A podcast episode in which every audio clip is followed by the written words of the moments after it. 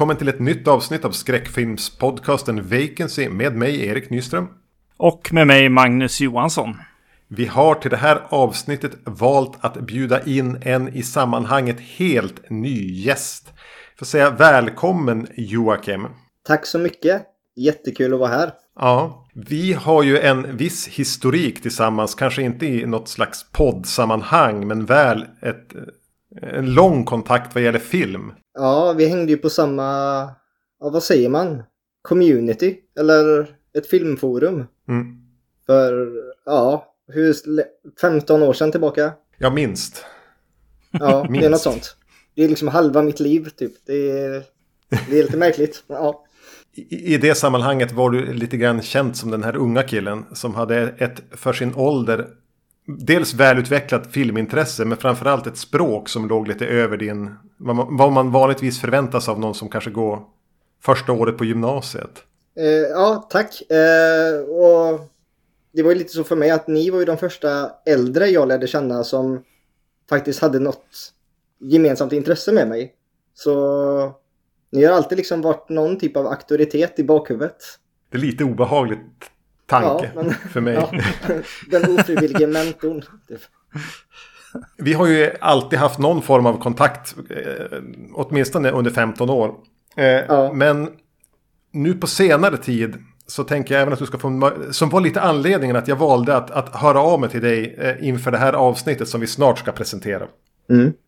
Är ju att du, du sen något år tillbaka började driva ett Instagramkonto som, vad heter Film med Joakim?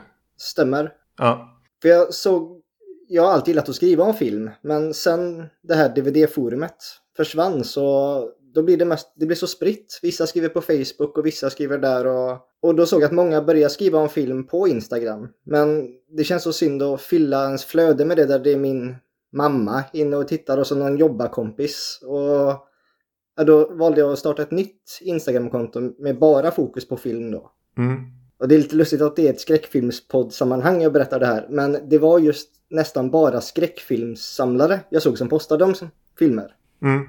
Det var mycket den här svåra filmen på den här svåra utgåvan. Och, det var, och då ville jag starta en litet motsvar på det. Så då gjorde jag ett konto där jag rabblar upp alla filmer i min filmhylla och skriver lite om dem. Och det kan ju vara allt från X-Rentals och Buskis till också jättesvåra filmer. Men mm. Ja.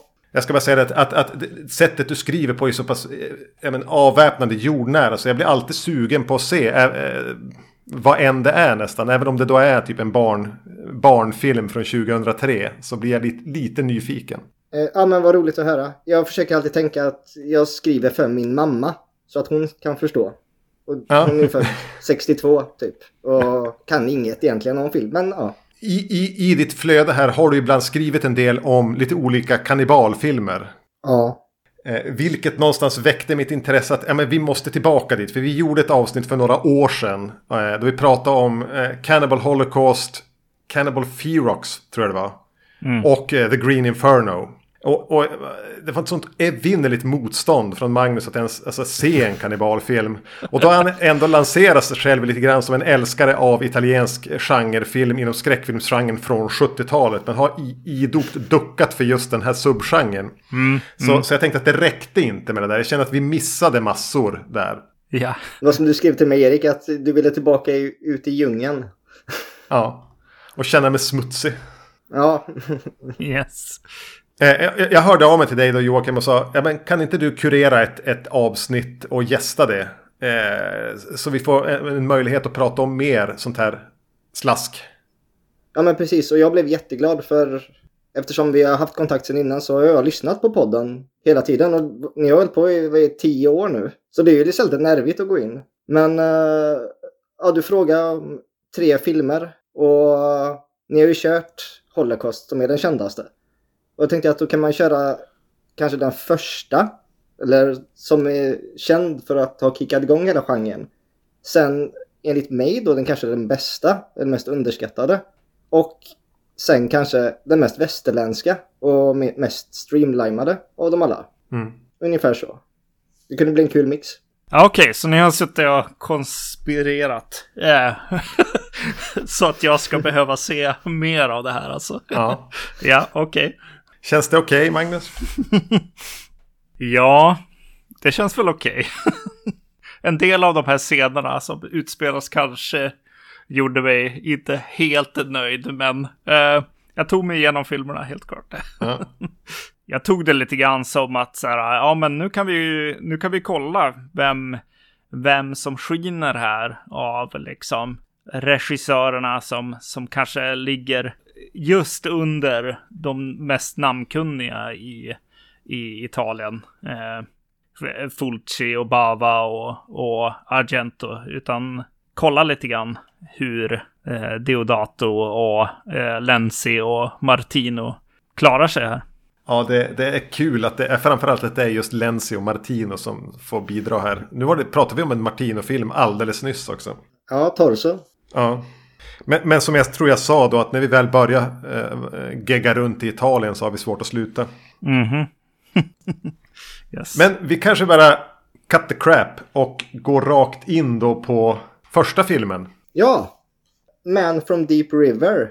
Från 73. Är det Magnus, tror jag? Ja, 72 står det på IMDB. 72, men ja. Ja, men då, Ja, jag har 73 i mina anteckningar. Jaha, okej. Mm. ja. Eh, också känd som i Sverige här mannen som kom från floden. Eh, det. annars Deep River Savages, Sacrifice eller Il Paso del Sesso Selvaggio som ordagrant betyder The Country of Savage Sex. Ja, Ja. där är vi nu. Men visst är det här lite ansett som filmen som började allting? Det finns väl förmodligen alltid föregångare, men det här är lite ansett som den första italienska kannibalfilmen. ja, helt rätt. Kannibalfilmerna kommer ju lite från Mondo-filmerna. Som eh, jag är för dåligt bevandrad i egentligen. Men som väl var exploativa dokumentärer med fake-inslag som påstås vara äkta. Som var mycket, eh, ja, vad ska man säga, filmade lik men även exotiska kulturer. Som ju säkert var jätterasistiska. Och ur det föddes väl det här tanken på vildingar som äter varandra. Och det här mötet då med den vite mannen. Mm. Mm, om jag inte minns helt fel så är väl nästan alla de här filmerna startar med någon slags eh, förklaring av att det här är verkliga händelser och det här, är- här har hänt och alla seder vi ser i filmen eh, är äkta. Ja, ungefär. Och det är ju typ samma handling i alla. Ja. Utan att gå in, utan att nu, jag nu riktigt har noterat det eller minns så tänker jag mig att alla filmerna börjar med ett flygplan som antingen startar eller landar och just den här texten. Mm, mm. Inte sällan i gult. Nej, precis. Som förklarar just det. Jag hade tänkt att förbereda, vad, vad, som jag brukar göra med, med i podden ibland, eh, en, eh, en så kallad drink. Som jag hade tänkt att eh, kalla för Italian eh, Jungle Expedition. Som skulle vara att jag bara drack eh, direkt ur en J&B-flaska. Eh, men tyvärr hade jag inte köpa en. Nej. Nej. Yes. Men ni får försöka visualisera det här. Att eh, yes. Magnus dricker direkt ur en jb flaska Svettig och jävlig. Så. Ja. Eh, Men apropå flygplan, jag tycker det är kul att hela genren bara startar med ett SAS-plan. ja, just det. Jag vet inte om ni såg det? Jo, jo, man, man, man re- reagerar direkt. Ja, Mm. det är lite kul. Ivan Rassimov flyger SAS. Man from Deep River, regi Umberto Lenzi. Det är kul att Lenzi på något vis den mest cyniska och mest exploativa och eh, på något vis obrydda regissören i, i den här eh, i, i Italien får kickstarta den här genren. Kan gilla det. Ja, och tydligen ska det ju vara lite en eh, remake på en western som heter A Man Called Horse. Ja, jag har inte sett den men jag Nej. känner igen Nej. det här. Men det känns ju lite som en som typ Dansa med vargar. Det är ju typ det, vad det här egentligen är. en ganska bra beskrivning. Ja, Istället för Kevin Costner får vi Ivan Rassimov. Ja. Och titeln är ju, sticker väl ut lite grann. Eh, om man då väljer den titel som jag har hängt upp det här på som är The Man from Deep River. Så tycker jag den sticker ut med att vara en ovanligt bra titel. Den, den är ju Ja. mer intressant än typ Sacrifice eller Jungle Holocaust eller Cannibal Ferox eller vad de nu heter. Utan att det här är ju ändå... ja, den säljer inte på chock. Nej. Mm. Jag- blir nyfiken, även om jag kan säga att jag har sett filmen, jag förstår inte riktigt. Är Deep River där? Alltså Deep River låter ju som ett ställe i USA. Mm. Jag, jag förstår den ju inte när jag har sett den varför det, den heter så, men den, är- den, den har en viss poetisk klang.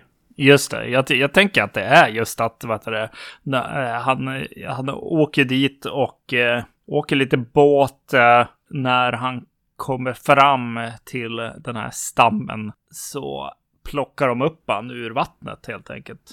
Och jag tänker att det är det som är, är titeln liksom. Att här kommer det en helt plötsligt en vit man från, Mannen från floden. Ja. från floden. Ja. Ja, jag är väl inte inne på det som Magnus säger här också. Att det är nog den floden. det är mycket bara häng med på något sätt i de här och eh, jag, jag kan säga att jag inte riktigt hade fullt fokus. Men det är någonting som händer här i början eh, där han är på, eh, är det någon bar eller någonting? Eller thaiboxning typ. Ja. Thaiboxning. Och hamnar i något slags bråk och sticker ihjäl någon. ja, det går jättefort. Ja, exakt. Eh, Det är det som jag... Jag bara, vad gjorde jag? Blinka, tittade Ja. ner i anteckningarna. Jag, jag får som för mig att jag måste härifrån, liksom. Att, att det, det är det som tar farten på något sätt här. Vilket var någonting som, som jag fick lite så här... han är väldigt dömande när de väl börjar så här hugga av eh, tungan på folk och så här. Och, eh, och han skriker liksom mördare, mördare. eh, jag bara, vänta, är det inte därför du är här? Precis, och, och du vågade inte ens ta ansvar för, för det du gjorde. nej, nej, precis. Nej, men det känns ju lite som att det här mordet, eller vad man ska kalla det i början. Jag tror det att det är väl en snubbe som typ, han råkar gå in i en kille Ja, som drar, ja. fram, drar kniv mot honom. Och det är väl i självförsvar de han snabbt hugger Ja. till. Men samtidigt så är det ju lite att det här jävla landet, de kommer aldrig tro mig här. Nej. jag måste härifrån. Eller jag, det här är korrupt. Och...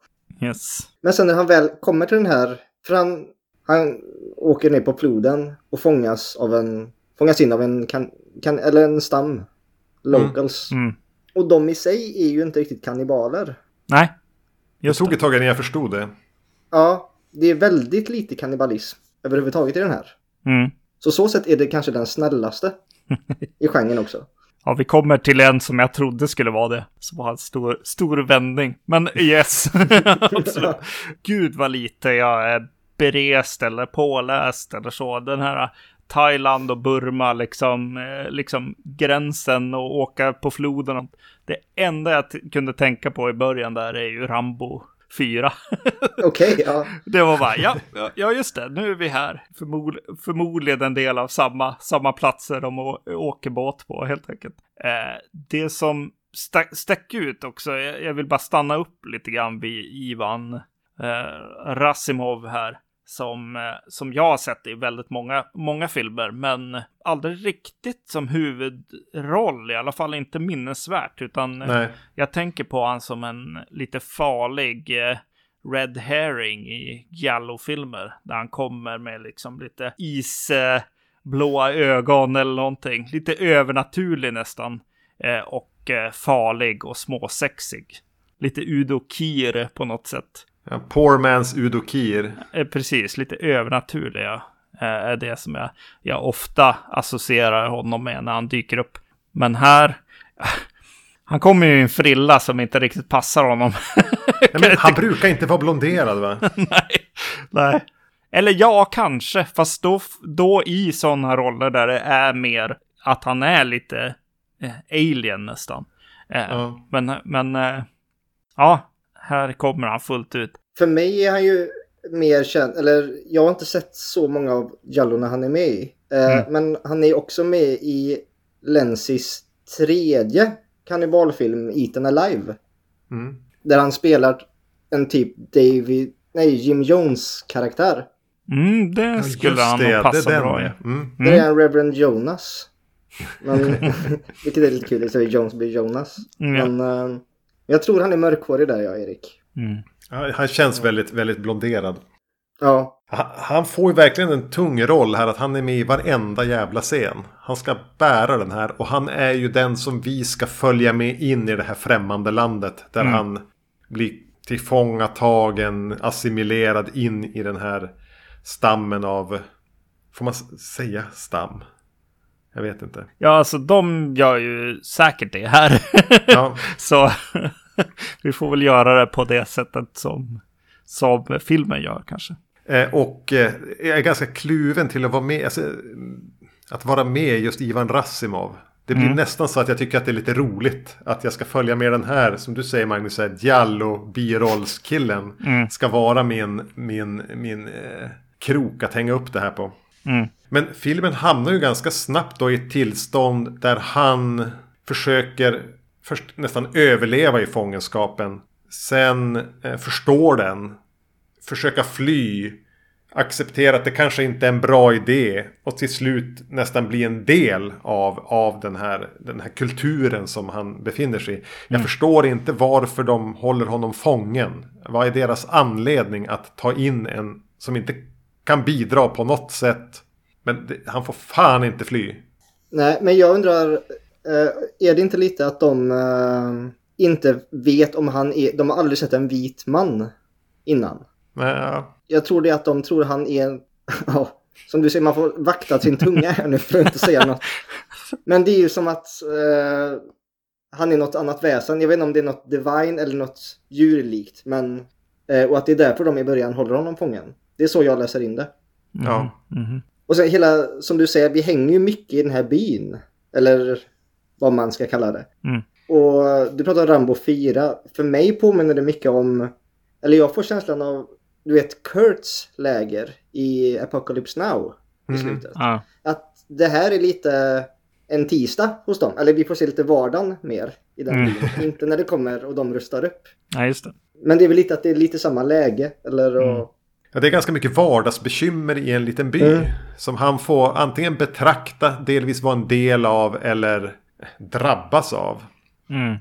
Samtidigt är det då fotat på det här lite torra, ljusa, oinspirerade länsesättet. Han bara sätter upp, sätter upp kameran och, och skjuter det som fångas där. Mm. Det är inte så att det är helt jävla ruttet.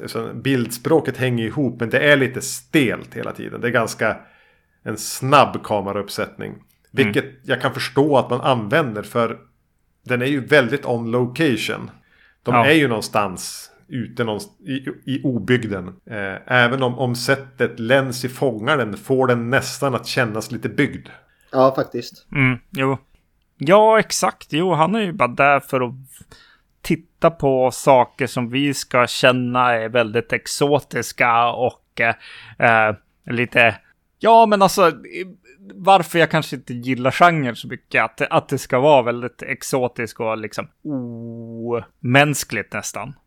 Mm. Ja, men den står ju fortfarande nästan med ena foten i Mondo-träsket. Ja. Att titta på det här och att nu idag kanske inte det räcker att bara se några gå runt och jobba i sin hydda. Men på den tiden, jag vet inte om... Ja men det är ju lite grann eh, som en naturfilm på det viset att, att uh, vad är det här för konstigt? Ja, just det. är det här för... Har ni sett den då? Ja. Vad konstigt det här är. Mm. Så jo, hela den här rasistiska kolonialtonen finns ju genom hela kannibalfilmsgenren.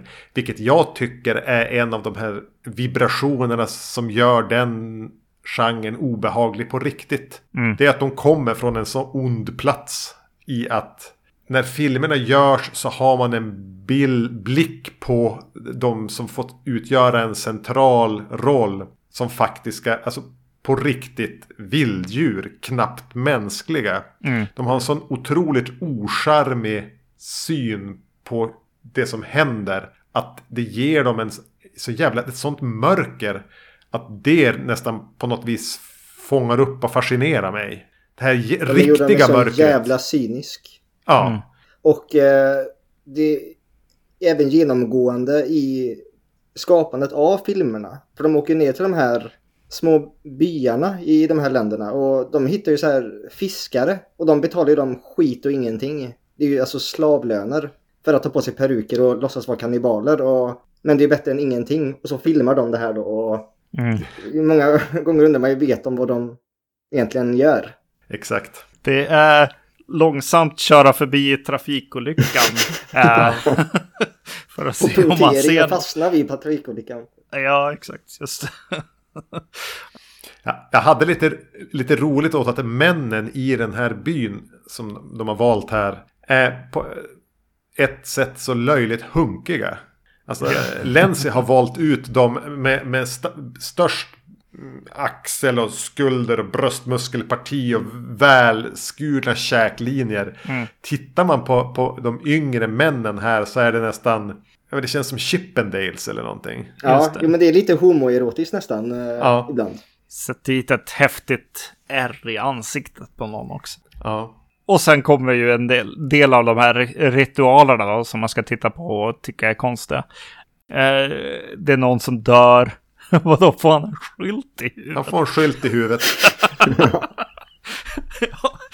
Och så dör han, de bränner upp liket och sen eh, lägger sig hans fru på, på askad och eh, har sex med flera män där. Mm. Och jag, jag, jag fick en konstig tanke om så här, jaha, vad, alltså har de tänkt att befrukta, alltså är det någon så här återupplivnings, liksom så här, eh, du, ska, du ska födas som, som det här barnet som, som skapas på din aska. Men så var det inte, utan det var tydligen en symbol för hennes frihet från sin döde man eh, och eh, hennes eh, nuvarande status som någon som kan ta sig en ny man. Eh, Det här är en ritual jag för mig förekommer i fler kannibalfilmer. Ja, okej. Har, har Lenzi hittat på den eller är den en verklig förekommande ritual? Ja, det undrar man, för jag undrar om det inte är Eaten Alive som är av Lenzi, det också är en sån här scen. Så det kan ju vara någon kink han har bara. Ja, just det.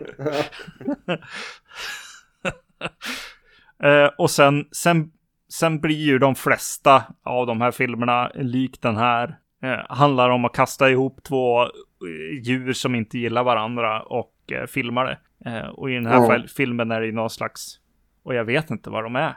Det är nästan som om det vore en iller. Men Ja, en, en mungo va? Ja, just det.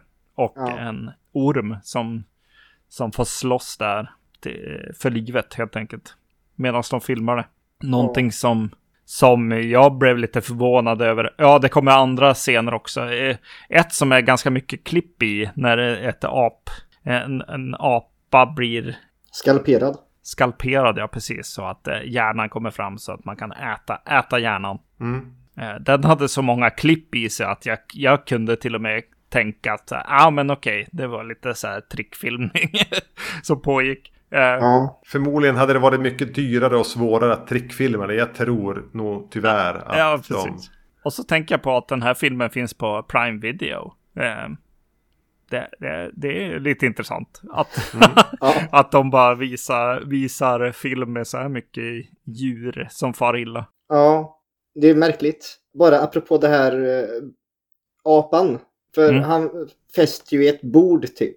Där eh, ovansidan av huvudet sticker upp ovanför bordet. Så de kan ta Mm. machete.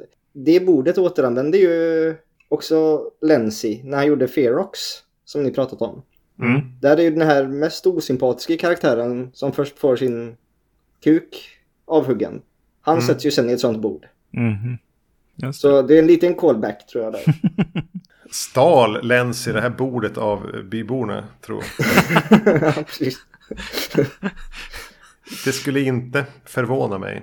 Nej. Men vi har nämnt Ivan Rassimov. Han är väl den credited actor här. Men hon dyker ju upp här.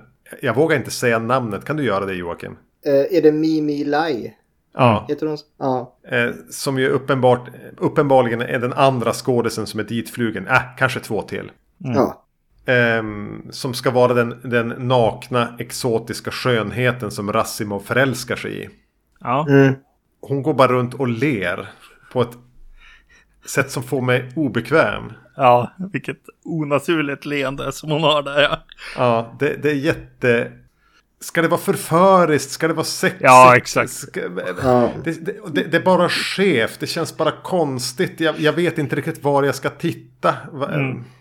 Nej, men nej, jag vet inte. Hon ska väl vara snygg och förförisk. Som Mm. du säger. Men det är, ja, jag köper ju inte det heller. Men eh, Det är som när Terminator ska lä lä lära sig att le. Eh, Det är ja, ungefär. Med bara munnen och inget annat. Ja. Ja, just det, precis. Ja, för hon är med, det är ju en jättemärklig scen där. När hon blir, eller har vi kommit dit? För det är när hon sitter och, och folk, vad är det, alla män i byn typ. Ska gå in och ta på hennes bröst. Och känna på hennes kropp. Mm. Jag vet det är ju också en väldigt märklig scen. Mm. ja, hon ska välja sig en man verkar det som, tycker Ja, jag. ja beroende Eh, på vem som gropar bäst. Typ. Ja, exakt, exakt. Ja, Återigen så här, är det något läns jag hittar på? Eller var det så de gjorde? ja, just det. För, för lyssnarna då, hon sitter alltså i ett rum med, det är ju som ett stort glory hole fast där de kan föra in sin arm Ja. och få klämma på henne. Mm. Och sen där utifrån det då så ska hon välja en man. Ja. Så ja, okej. Ja, men vilket schysst eh, och fint move han gör där. Ivan. som tar henne i hand. Ja. Vad fint. Det är det som var rätt sak att göra. Just det. Ganska länge så kämpar ju han med att faktiskt eh, försöka fly därifrån. Han gör ju ett par eh, flyktförsök. Mm. Ett, varav ett går ganska bra ganska länge tills han stöter på elefanter. Ja, just det. Ja, just det. Det hade jag glömt bort. Ja. Ja, det var, det var den jag hade svårast att acceptera som ett misslyckat försök till flykt. Att han blir stoppad av elefanter som i princip spärrar hans väg i floden. Mm. Och så ska han tillbaks dit. Och jag, jag tror det är efter det han ger upp. Eller om han kulturen och Mimi Lai här övervinner honom. Att men det kanske är en bättre värld här. Men eh, jag är alltid osäker på vad hans intentioner är. Vad, vad vill Rasimov? Vill han stanna? Blir han kär på riktigt? Är det här hans nya kultur? Eller är det någon slags long con han i- kör för att kunna ta sig därifrån? Jag är osäker så länge. Mm. Och jag är egentligen fortfarande inte övertygad. Nej. Det, Nej, precis. De här kanske... Något som inte är övertygade är ju när de ska kyssa varandra liksom. Jag tänker Nej. att om jag, om jag hade varit med i en film så kanske jag skulle satsa och faktiskt försöka kyssa min mot, motspelerska eh, eh, när jag skulle ha sådana scener. Men de här liksom bara trycker ansiktet mot varandra. ja. Något kramas fint. Ja. Ja, Mm.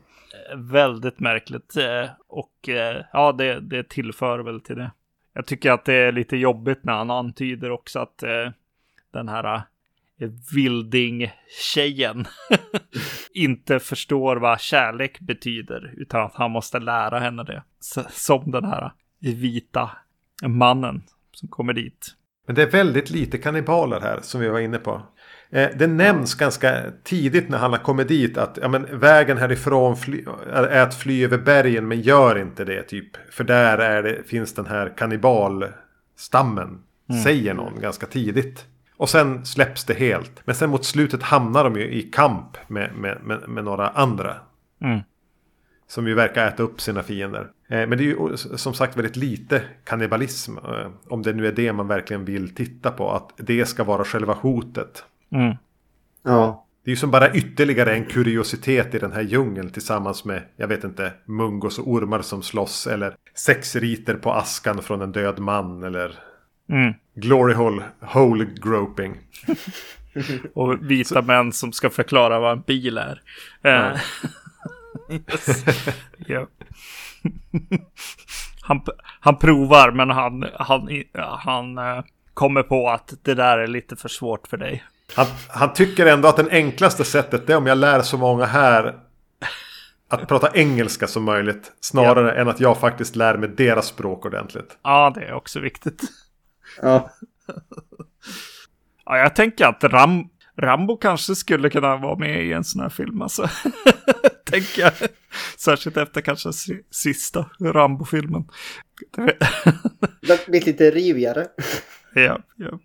Ja, det, det är ju en halvsövande film. Men den är ju inte ointressant ur det faktum att det är som en, ett startskott på något vis. Och att den inte har så tydliga genrekonventioner. Och att den är så pass lik. Ja men då liksom Dansa med vargar eller någonting. Mm. Och att den är så länsig cynisk som bara länsig filmer kan göra.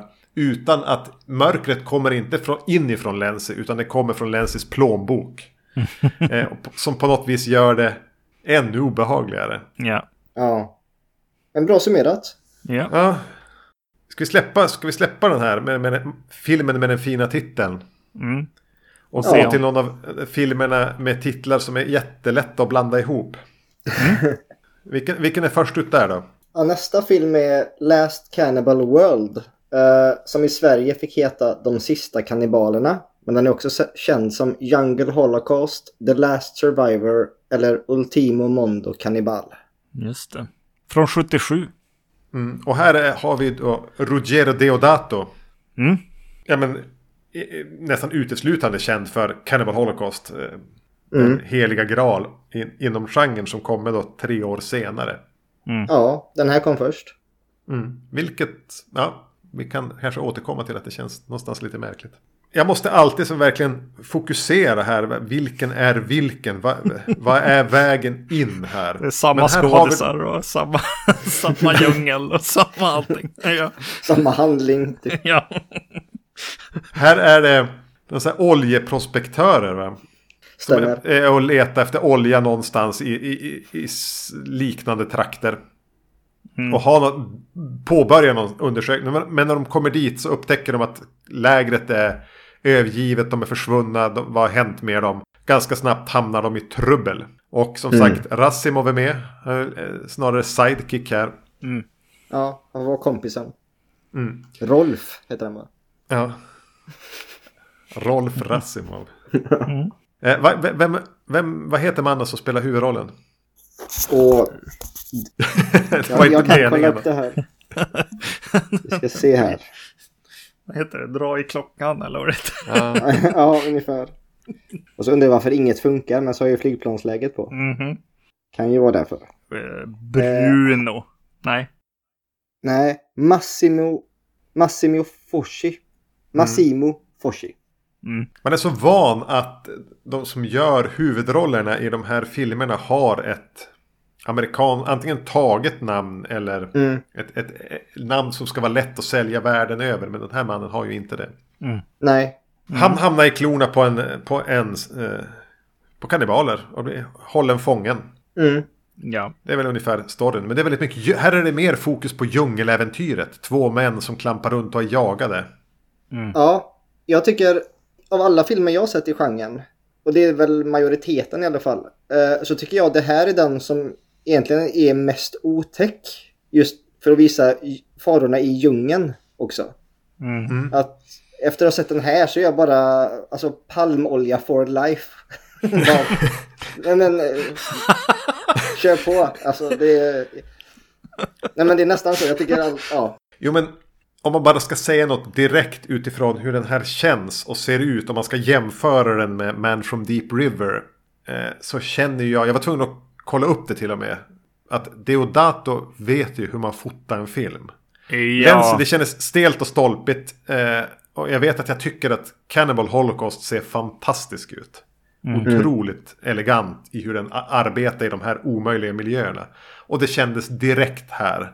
Att satan var du, var du kan fånga liksom känslan av en djungel, en obehaglig, otäck Ja.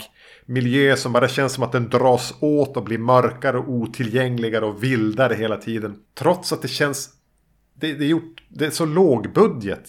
Eh, han har bara... eh, Men ändå inte kompromissat trots att han fotar hela tiden i omöjliga eh, omständigheter.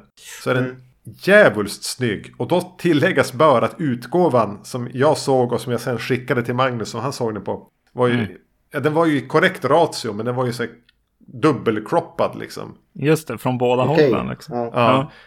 Så det var en väldigt liten bild och inte den bästa transfer. Inte den sämsta heller ska man säga. Men det, jag kan inte säga att jag fick ut maximalt av den. Men ändå så satt jag där och var imponerad av hur jävla snygg den är. Mm, mm. ja. Eh, vi kommer ju till Ma- Martinos rulle här. Men eh, eh, någonting som jag tänkte på när jag såg den här. Eh, jag såg den efter eh, Sergio Martinos rulle. Är väl att egentligen kanske den inte är eh, det bästa fotot. Den har ju den har fortfarande väldigt mycket känsla av it- Italien. Det är mycket så här åkningar, inzoomningar och liksom eh, rörelser i, i kameran. Eh, men hur det sen är ihopsatt alltihopa Ja. med, med klipp, ljud, eh, musik. Ja, och de här kamerarörelsen och klippen mellan en, en fast bild och någon som, som går från fötterna och tiltar upp till, till ansikten och så här. Det är jäkla fart i, i berättandet i den här filmen och det skapar definitivt en nerv i, i berättandet eh, som jag verkligen uppskattar i den här, i den här filmen. Jo, men om man ska tänka att, att eh, huvudkaraktären här öde är ungefär detsamma som Rasimovs öde var i The Man from Deep River. Så känns det ju mer som en så här High Chaparral iscensättning i Man from Deep River. Medan här så är han ju faktiskt där. Ja, ja. Ja. Den här känns väldigt genuin. Verkligen för att vara en film i den här genren också om man jämför med de övriga. Jag tycker också att kannibalerna är nog de mest obehagliga. Mm. De känns mycket mer primitiva. Eh, De är ju nästan nere på... Återigen, nu trappar man lätt här. Men nästan nere på stenåldersnivå känns det som. I... Mm. Och, Ja. och det gör något ännu obehagligare tycker jag över det. De känns så jävla oberäkneliga och... Ja, det blir ju också kanske tydligare eh, på något sätt att de är, är ett filmmonster på något sätt här. Ja, Kanske att, att eh, man börjar tänka kanske Bone Tomahawk eller någonting sånt liksom i, istället. Att så här, ja men Mm. Nu försöker vi inte vara på riktigt så att säga, utan även om, om eh, som upplevelse så är man ju där på ett helt annat sätt. Eh, ja. i, i de här scenerna såklart. Och, och den är ju närmare skräckfilm helt enkelt. Så det, den, den har ju definitivt en nerv och eh, det hjälps ju väldigt mycket av den här eh, huvudrollsinnehavaren som gör ett mycket bra jobb tycker jag i filmen. Eh, går omkring liksom, blir ju ja, avklädd, naken, springer runt stora delar av, av filmen eh, naken Mm. och dragen i snoppen liksom. det är väldigt, väldigt eh, utsatt läge här helt enkelt. Och det är väl ganska ovanligt för en mans huvudroll här också. Ja. Ja, och det, det är som du säger och det gör ju att man känner sig, eller jag förstår verkligen hans utsatthet. Mm. Med ett så enkelt knep som att göra han helt naken och fastbunden och, och sen att de här kommer och man vet inte, kommer de döda mig eller är de bara nyfikna på mig? Mm. Och att aldrig veta det. Det är lite som när ett vilddjur föreställer jag mig kommer fram och vi ser en vildhund eller någonting. Att, kommer den bita eller är den snäll? Ja, och det går inte att se på dem. Mm. Nej, den har ju den här råheten som man inte är van. Man, man ryggar ju tillbaka när de börjar slita av kläderna. Och att den sen visar så många barn springer runt helt nakna. Mm.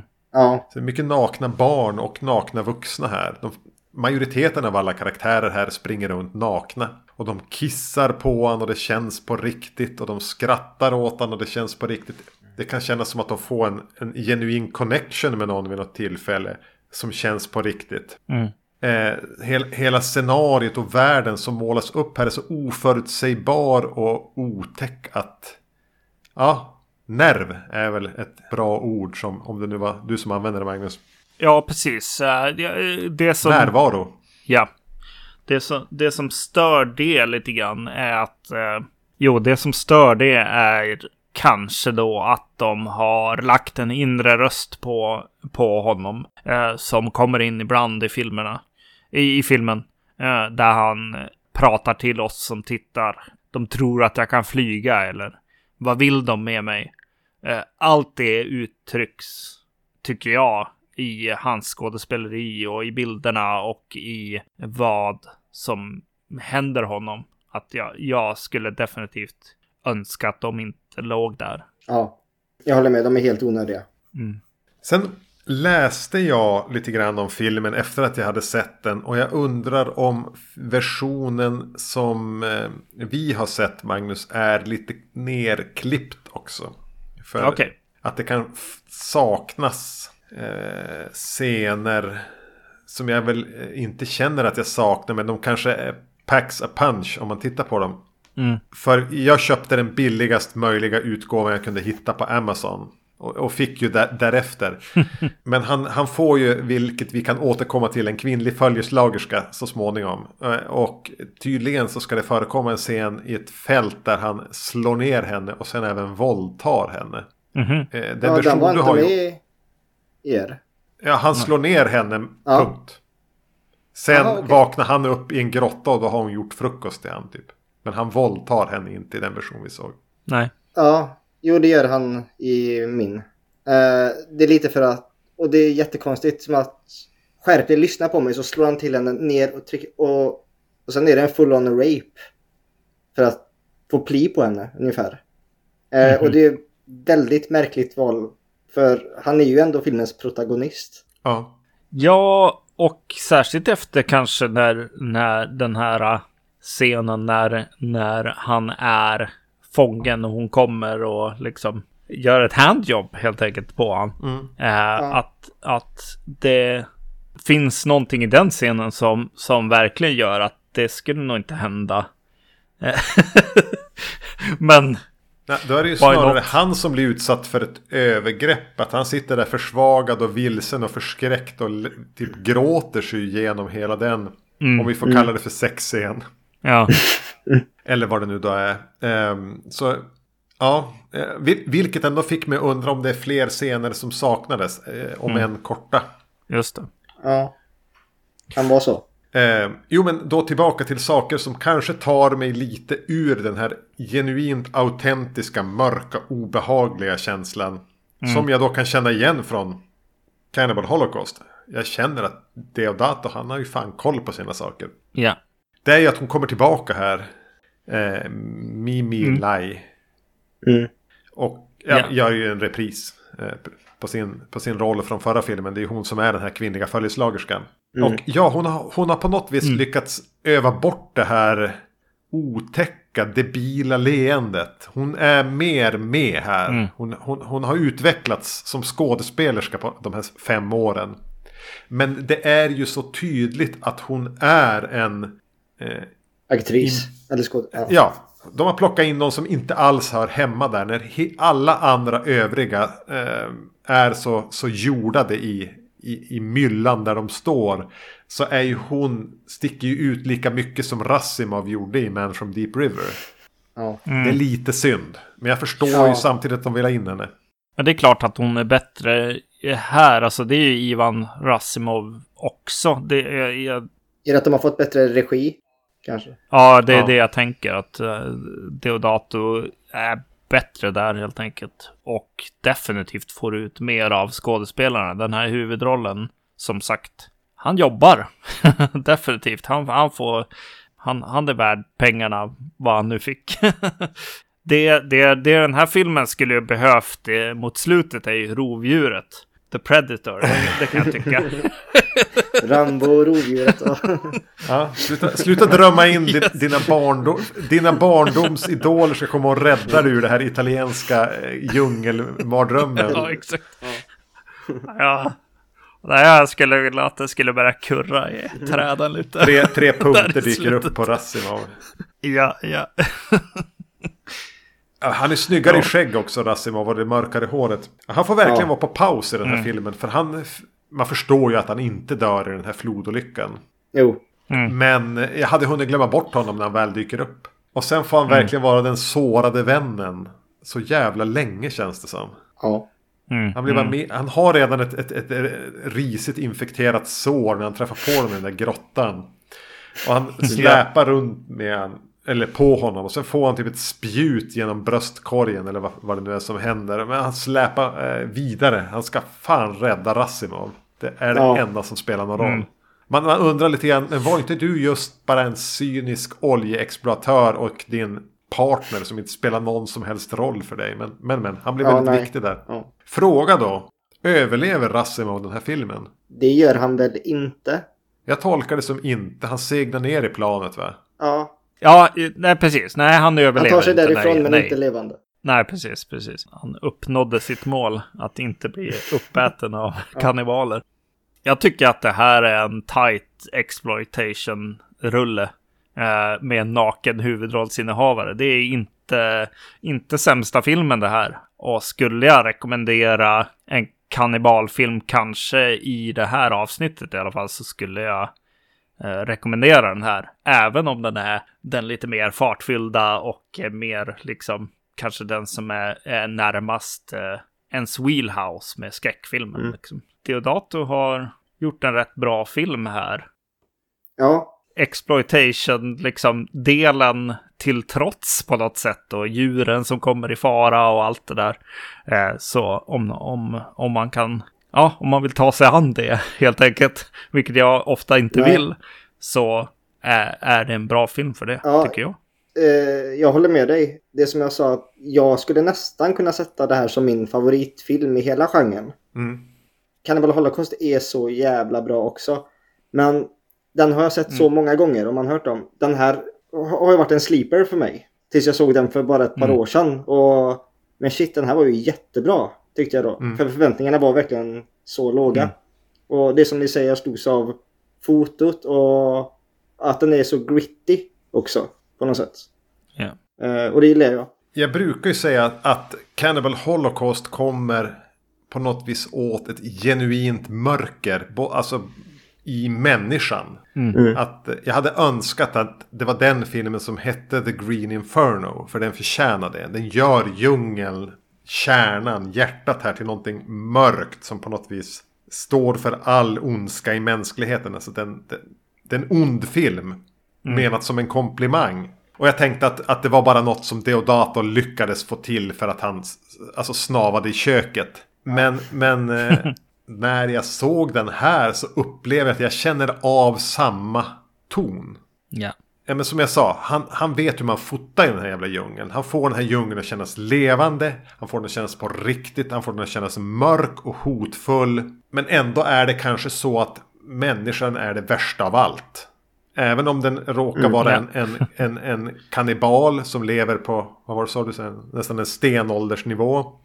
Eller är det en, en rik cynisk oljeexploatör så är ondskan ändå alltid människan. Han Ja. hittar någonting där som gör att det känns i magen mer än bara som en teknisk övning. Det här grittet är på riktigt när Deodato jobbar med film. Och då har jag sett väldigt lite Deodato ska jag säga. För lite kanske. Mm. Eh, att eh, jag tänkte ju direkt, ja men okej. Den här skitutgåvan kan du behålla Magnus. Skick, ta inte med den upp i jul.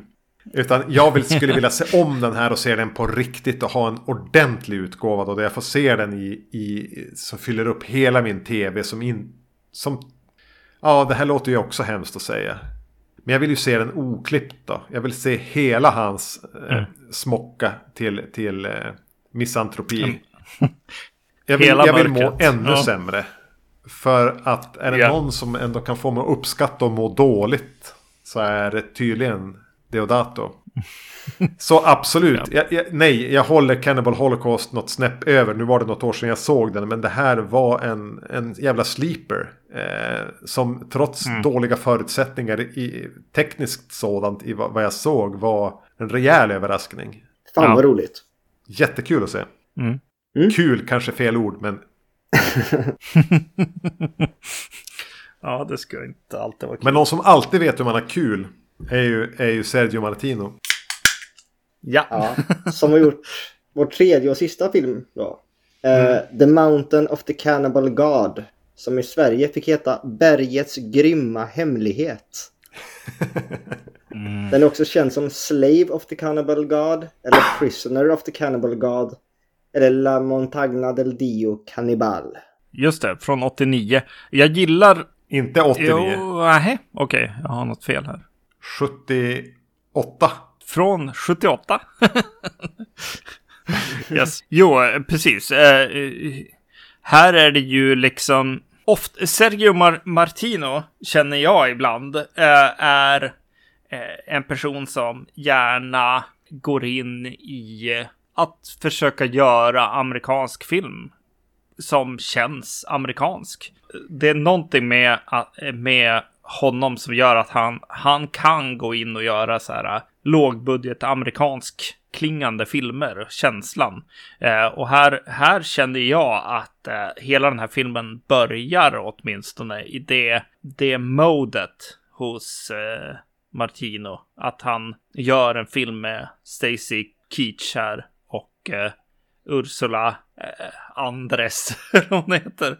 Ena från John Carpenter och den andra från eh, James Bond. Och försöker göra en film som handlar mer om en expedition ut i djungeln. Amerikansk B-films känsla helt enkelt. Får jag i början av den här filmen.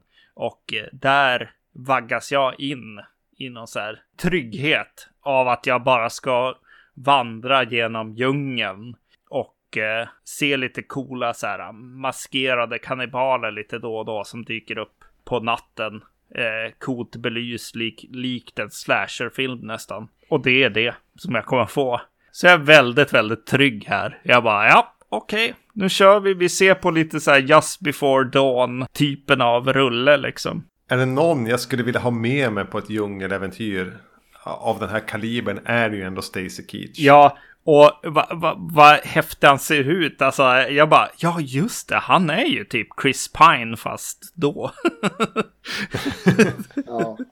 Han döljer sin, sin så här, heter det harmynta överläpp med, med, med skägg och mustasch. Och, och den här frisyren, vilken modern frisyr han har liksom. Ja, ja han är riktigt jävla het ja, ja. Jag håller med dig Magnus, att, mm. att den känns amerikansk.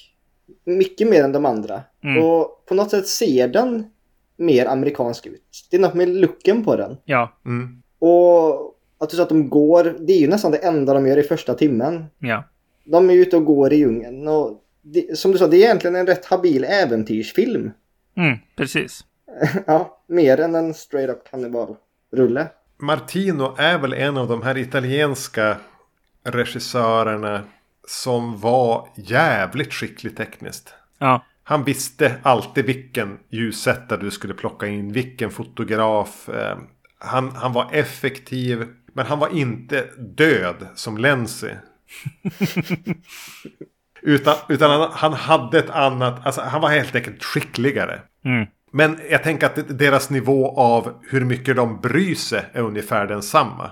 Men, men, men Martino hade en talang som inte ens hans bara, eh, fuck it eh, inställning kunde rå på. Att jag, gör, jag är en gun for hire. Mm. Mm. Eh, att han var för duktig för det. Alltså han blir lite av den italienska genren John Carpenter. Mm. Det, det, finns ganska tydliga kopplingar mellan dem tycker jag. Att John Carpenter eh, har väl försökt framställa sig som en Sergio Martino. Mm, just det. Ja. Som var bara otroligt begåvad. Men kanske inte riktigt hade den här det in, inre riktiga drivet. Mm. Utan tillät sig själv att vara bekväm. Så den, den, den, eh, jag kan förstå att du tyckte den kändes som att den var från 89 också. Ja, exakt. Jo, mm. jo jag inser nu att så bara, ja. Makes sense. Jag reagerar också, men jag visste inte om det. Eller fan, kom den så sent? Jag. Men, ja, eller... Kunde ha varit. De gör en stor grej i den här filmen. För det här är i princip en räddningsexpedition. Som visar sig sen med en stor extremt ointressant twist vara någonting annat. Mm. Att de ska flyga någonstans och de ska paddla någonstans och de ska ut på en ö och de ska vandra. Att de får inte vara där. Mm. Vad är den stora grejen med att de inte får vara där? De får inte synas.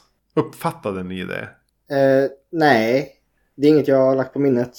Ja, det som eh, eh, under de första vadå, 20 minuterna är det en grej att de typ gömmer sig under för något, för något flygplan och bara oh, oh, oh, oj oj oj, de får inte se att vi är här. Vilka de? Mm. Men det är inte det att de är på väg till den här ön, för den var ju förbjuden. Men jag tror att det här är på fastlandet fortfarande. Ja, men kan det vara att de tror att vi är på väg till? Eller nej. Mm. Ah, ja, ja det, det, var någonting jag satt med. Det. Vilka är de och varför får vi inte vara där? Och att han får så stora ögon när de konstaterar. Oh, ska vi flyga så långt? Det sparar oss en månad. Herregud vad mycket djungeltrampande det här hade kunnat bli om de inte hade flygplanet i början. ja, ja. Men återigen, de är där på plats i djungeln och släpar, upp, släpar runt kameror och ställer upp i, i leriga backar mm. och eh, trädrötter och hugger ner någon, någon lian och någon palmer för att få till den här eh, inramningen de vill ha. On location-känslan är, finns ju Mm. ändå. Mm. Just det. Det, Men det är det, snygga miljöer tycker jag. Ja, det, det, är, det kanske är en del till att det känns som en liksom amerikansk film också. Det är väl kanske då att natten blev jag så här. När det väl blev natt och det var en stor strålkastare på allihopa. Eh, så fick jag en väldigt stark så här amerikansk känsla och en känsla av att nu är vi i fredag den 13.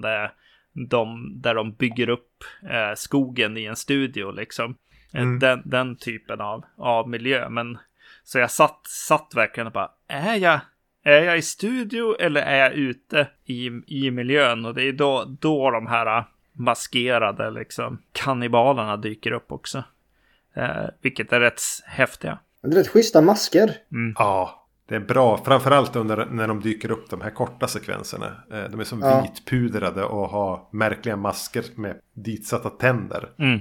Men gjorda i lera. Något så. Ja, jo exakt. Det är svårt att avgöra riktigt vad de där maskerna består av. Det är en ganska distinkt skillnad för mig i, om vi ska jämföra med föregående film. Som vi, den är mycket snyggare i, i, hur den gör, skapar plats. Mm. Men den här är också bra på det. Det här är en väl genomförd film så. Mm. Men här får jag nästan känslan av att jag, ja men visst jag skulle kunna vara där. Jag skulle gärna följa med Stacy Keach. Ja, ja, Medan i, i, i eh, The Last Cannibal World så är det sista jag vill. Är att, att springa runt naken där. mm. I Den våta mörka djungeln där allt bara kryper. Ja. Det, det är en mardrömsvärld. Det här är som, ja men det här kan jag väl turista. Det här skulle jag säkert Ja. betala för. ja, Men det är en hike-film typ. nästan. Ja. ja. De, ja. För det är en sån här temalåt som är rätt catchy. Eller det är lite härligt driv på också. ja men det är ju ganska amerikansk musik också. Mm. Ja. Japp. Så. Man blir ju rätt förvånad när de väl eh, slår, slår igång eh, exploitation-delen som är väl är typ, vadå, det kan vara en kvart eller någonting. Där det bara, japp, nu kör vi. Det blir kannibalorgier och eh, onani och sex och sex med djur och våldtäkter och, och omskärning och allt vad, vad som går att hitta på liksom. I någon slags kaskad där helt plötsligt. Ja, det är en kvart där som är furiös. Ja. Med kastreringar och en stackars gris som blir våldtagen. Jo. Ja. Ja, Vart kom det ifrån? ja, säg det. Jag kommer ihåg första gången jag såg den här. För just scenen med grisen, den kommer så från ingenstans nästan bara. Mm. Har, kameran har legat på någon som, en tjej som onanerar. Och sen klipp till en kille som verkligen pangar på en gris och det är en jättegris. Mm. Eller om den här mannen är väldigt liten, jag vet inte. Och så ligger den där i 3-4 sekunder och sen vidare. Och efteråt så satt jag, men, men, men hände det? Eller jag var inte ens säker. Nej, exakt. Det är så out there, eller Ja. det kan väl inte spela tillbaka, jo, det, ja. Ja. Ja, det är väldigt märkligt. Och så sen liksom får man en liten känsla av att den här filmen är lite lång. Eh, för, för efter denna liksom orgie i tabu liksom. Så bara, ja, då fortsätter den en stund. Varför inte? liksom. Jag vet inte. det var kanske lite väl mycket av en punkt på något sätt. ja. Man kanske skulle strösslat ut det lite mer. ja, filmen. exakt. Inte- Kanske. Shit, Ja. alltså. Ja, man, kan ha, man kan ha synpunkter på vissa val i den här filmen. Mm. För jag tycker även att den somnar in.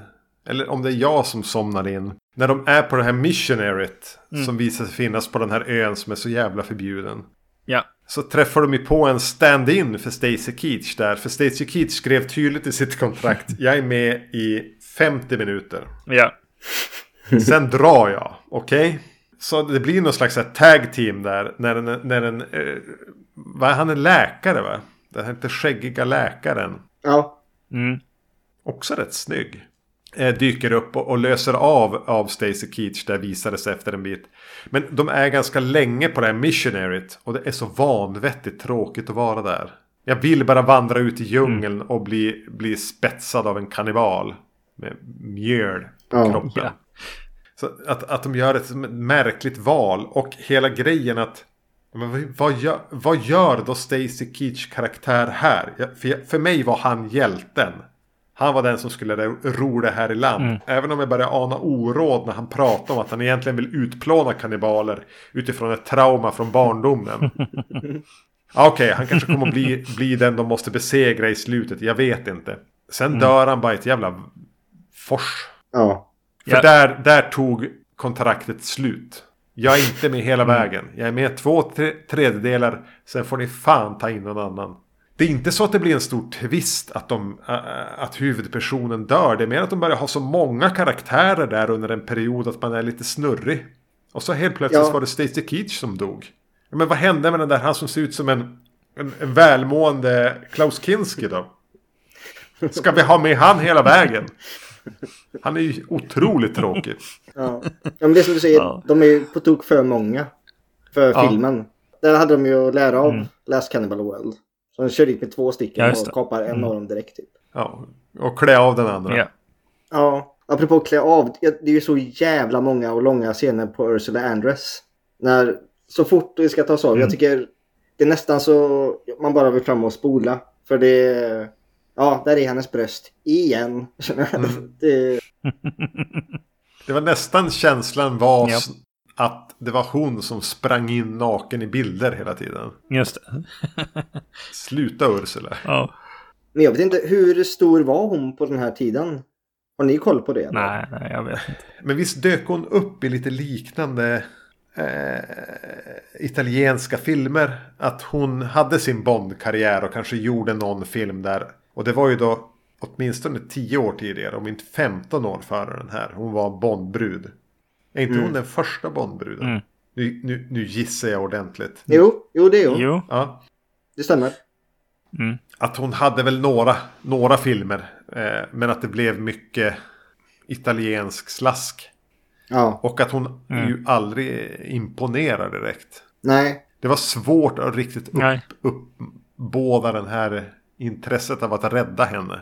Ja, nej, för det, eh, jag är in, inte nämnvärt intresserad av Bond heller. Men jag känner ju till Ursula Andress som Bondbrud. Och det är primärt jag sett henne i den här. Och här är ju hon ju inte bra. Nej, Inte alls. Men ändå så Mm. ska hon ju vara den stora filmstjärnan. Så det är ju fokus på henne hela tiden. Och när hon tar sig av, det är ju ofta i vackert ljus. Så när de, ja, vad tar de på henne? Någon så här orange eller lerinpackning typ. Eller eh, ja, det är väldigt mycket. Hela kroppen ska masseras och... Ja, jag tycker eh, där, där hon presenteras eller när de, när de ska börja sitt äventyr så sitter de i, inomhus vid något bord och pratar. Och hon har hela tiden en, eh, en fläkt på sig i sitt hår som bara flyger runt där. Och jag bara, vad händer? hon är Carola. Men det känns lite som en film för att sälja henne. Eller du vet, att, eh, som att hon kan visa upp. Kolla här. Mm. jo men om Stacey Ja, Keach eh, kontrakt styrde en del. Ursula Andress kontrakt styrde en del. Miljöerna styrde en del. Den är lite kompromissad den här filmen va? Men ändå så är den ett ganska schysst djungeläventyr. Om jag ska vara ärlig så skulle jag nog uppskatta om liksom det här eh, heisten de nästan ska göra. Ekonomiska heisten de har ja. tänkt att göra. Uranheisten.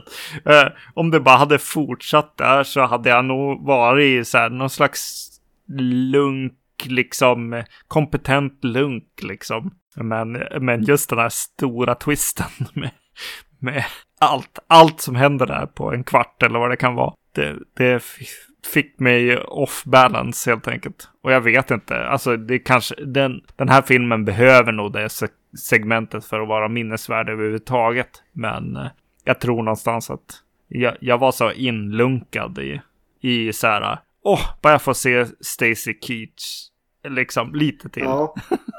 Så är jag glad. Men det, liksom. ja, det är intressant när du säger det Med där. hans coola frisyr och så. Det vore intressant att veta om det inte hade varit med allt det här sjuka.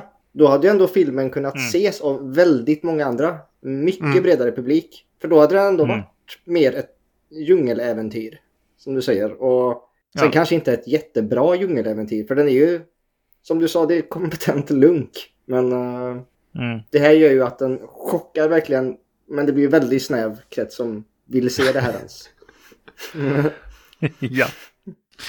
Och många bara spolar fram. ja. Men de är fan coola kannibalerna där. Mm. ja, det är de. Bra slashermördare. Ja, abs absolut. Men mm, jo, jo, den här hamnar väl i ett mellanregister. Eh, jag tycker väl den om jag ska gå på minne att den är bättre än Ferox. Just för att den har det här schyssta lunket. Mm. Men, eh, meh. Ja, Ja. Stacy precis. Keach är ju en bra skådis. Han är karismatisk. ja. Ursula Ja. Andress är inte en bra skådis.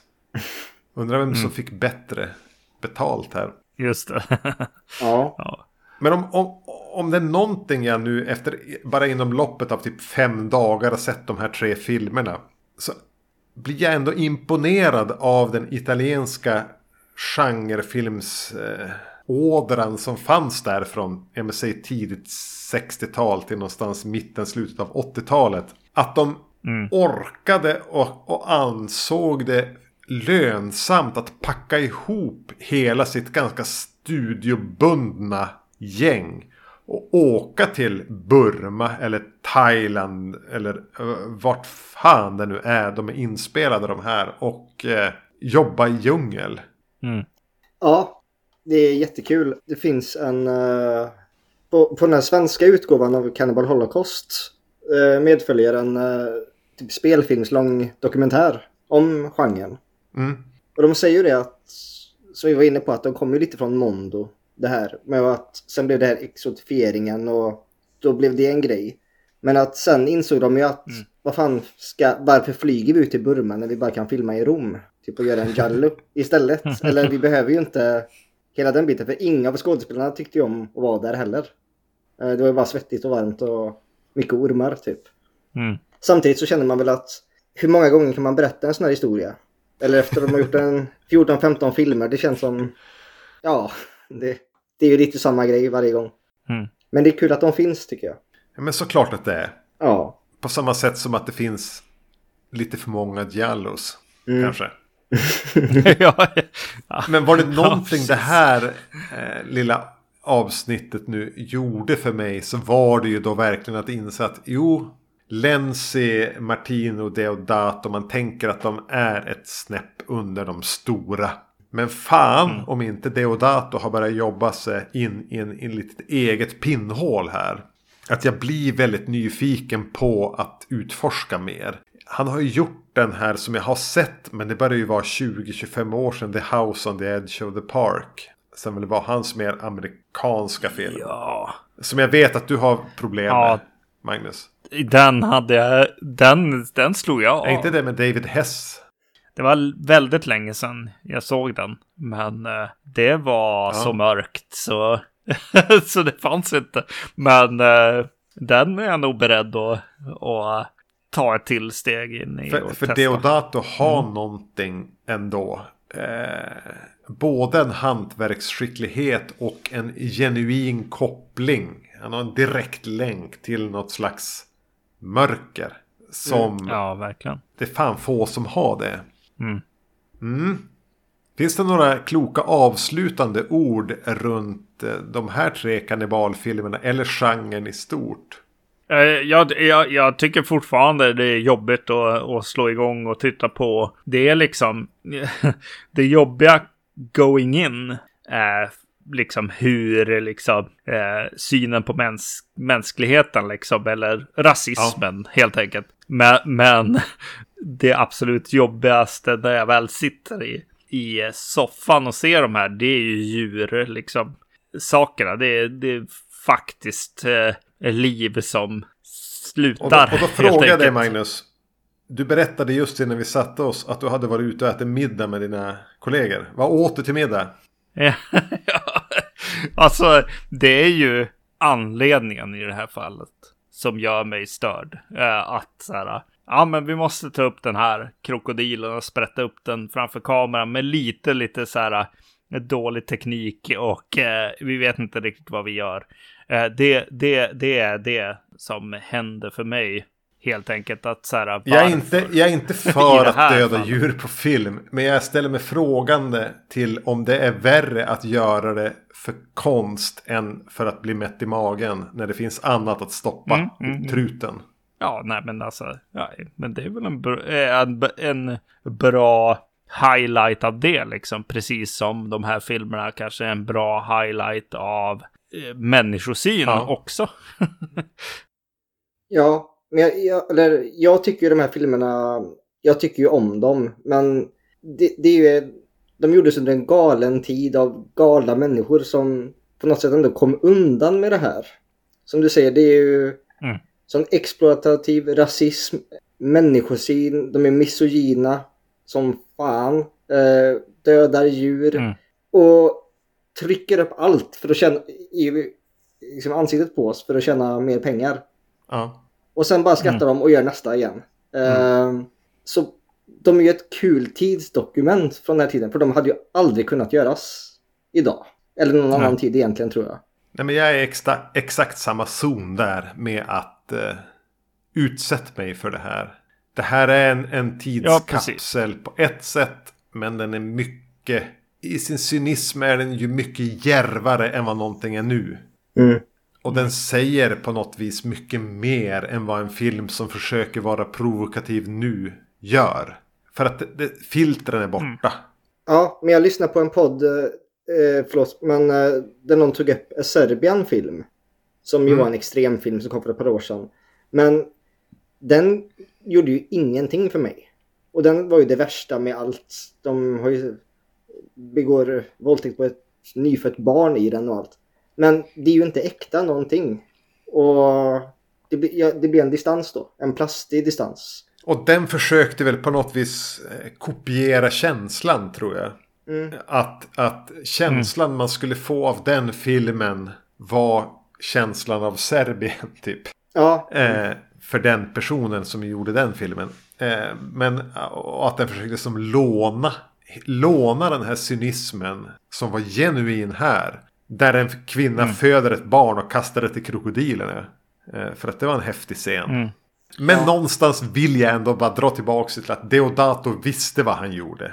Lenzi var, var Mm. eh, extremt cynisk, kall, småkorkad och tjänade mycket pengar. Martino var skicklig, halvcynisk och eh, förmodligen rätt trevlig. Deodato var väl lite av båda dera, men han visste. Han var inte dum i huvudet. Eller är, jag tror han lever fortfarande. Han visste att han skickade den här eh, dödsstjärnan, strålen av mörker. Eh, rätt i bröstkorgen på den som tittar på den när han gör de här filmerna. Han, han visste det. Mm. Han lyckas ju med det som då Serbian Film, regissören, inte klarar av utan att tiden har gjort den den otjänsten att vi känner det bara som en efterapning eller någonting syntetiskt. Mm. well put. Tack. Nej, men jag håller med. Alltså, jag, jag bara, jag bara en, en liten note där liksom. Ja, den är ju...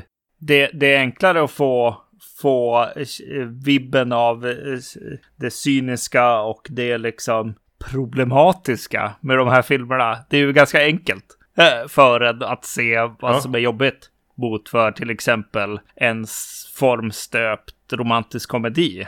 Eh, som också är rätt problematiska Jo. ofta. Så ja, yes. Mm. Du brottas hellre med de här Och det är filmerna. ju rätt, rätt skönt. Ja, precis. Nej men eh, jag tänker att vi, vi avrundar här. Det var eh, kul att du kom hit Joakim och pratade kannibalfilmer med oss. Det var jättekul att få vara med. Det är nöjet på min sida. Eh, ja, men, eh, ta tillfället i akt att slå ett slag för din Instagram eh, eh, film. Va, vad kallar man det för? Vad säger man? Ditt, ditt, Instagram där du... Jag tror om man säger, ja, mitt Insta. Eh, jag heter Film med Joakim i ett ord. Eh, jag plockar fram filmer ur min filmhylla. Och så skriver jag lite om vad den handlar om och något kul take på den. Försöker jag ofta göra. Det är låga trösklar och rätt opretentiöst försöker jag hålla det. Mm. Ja, Varmt rekommenderat från min sida. tackar jag. Och Mm. ja, är det något avslutande du vill säga Magnus? Nej, bara ja. tack för besöket. Tack. Ja, men, eh, kära lyssnare, ni vet var vi finns. Vi finns på Spotify. Ursäkta den här rethostan. Vart? Vi finns på Spotify bland annat. Vi finns på iTunes, andra podcastleverantörer. Man, vill man komma i kontakt med oss kan man göra det på Facebook. Man kan göra det på podcast at vacancy.se. Man kan söka upp även oss på Instagram. Jag heter Erknym. Och jag heter Zombie Magnus. I nästa avsnitt tänkte vi återvända till David Cronenberg. Men eh, vilka filmer det blir får ni se då. Tack för att ni lyssnade och eh, hej! Hej! Hej då!